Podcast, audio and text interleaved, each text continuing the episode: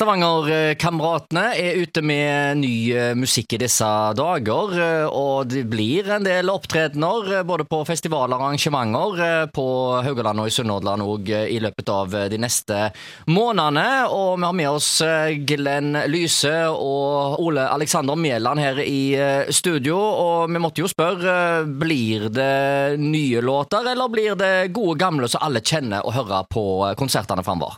Du har jo lyst til å spille de nye, sant? og selv om de, og det, det, det er jo ofte de som er minst kjent, hvis det ikke blir Ja, det må jo følge med på streaminger. om det ikke Du kan se det. Ja. Tommy og Kjartan er veldig offensive nå. De vil bare spille nye låter. Vi må, vi må nok gjøre begge deler. Kanskje vi må ta et par eh, og luke vekk. Jeg, vi får se. Ja. Du, det som blir spennende å se Vi har jo lyst til å spille det nye, men vi skal ha det gøy òg. Eller publikum skal ha det gøy òg. Bare så du vet det, liksom. Ja, ja. Den, den, låten er du fornøyd med? Du kan ikke være med, si noe annet? Eh, jeg har vel satt av et sånn kryss i hva som jeg skulle oppnå før jeg ble gammel. Og det var egentlig å skrive en låt så, så mange trubadurer gjør. For jeg husker alltid når jeg reiste rundt som trubadur Jeg har spilt mye her i Haugaland og Kappopavik. Og... Mac Kielland?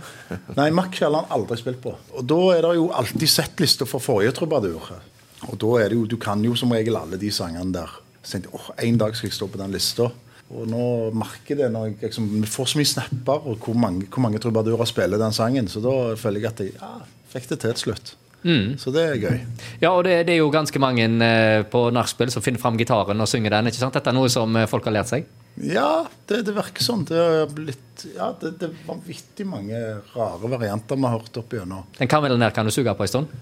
Økonomisk så suger men, men det er så løye, for da, så, sånn, han, sånn, han, sånn, han, ble til, så, så, så det, du trodde du ikke at det ble noe sånt. Nei, nettopp. Når du lagde den, så var det liksom Nei, nei, nei. nei. Det, var, det, var, egentlig nesten bare en øvelse på å lage ny pop, eh, popmusikk eh, mm. med trommemaskiner og masse synter og sånne ting. Så ja, bare, det var rett og slett en begynnelse på en øvelse på å lage sånn, et sound. da ja, altså dette her med nettet, digitale hjerter og smilefjes Det er jo sånn der helt sånn fullstendig absurd eh, eh Nesten det, Hvem var det som fant på dette greiene?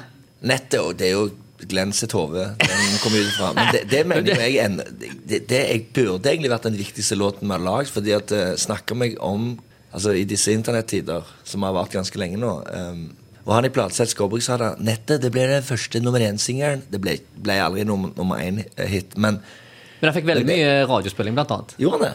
Oh, ja. ja, ok, Så bra. Fordi ja, vi følger ikke så godt med. Men, men um, det er jo mye sant Mye sant i det. Altså Hvis, hvis du sier ja, ja, ja. så finner jeg det på nettet. Jeg tror, altså Folk sitter jo Ikke at jeg har noe greier på dette her. folk sitter jo sånn hele tida. Ja. Uh, nei, så, så, Glenn er det skal, Står ikke iPhonen på lading, forresten? Har du, har du, brukt den til noe nettbasert? kanskje? Det, det var ikke noe, det var ikke lading. ja, ja, ja. Det er derfor Ole skrøyter så mye nå, for han kjenner seg veldig godt i den sangen der. Ja, kjenner godt igjen i den.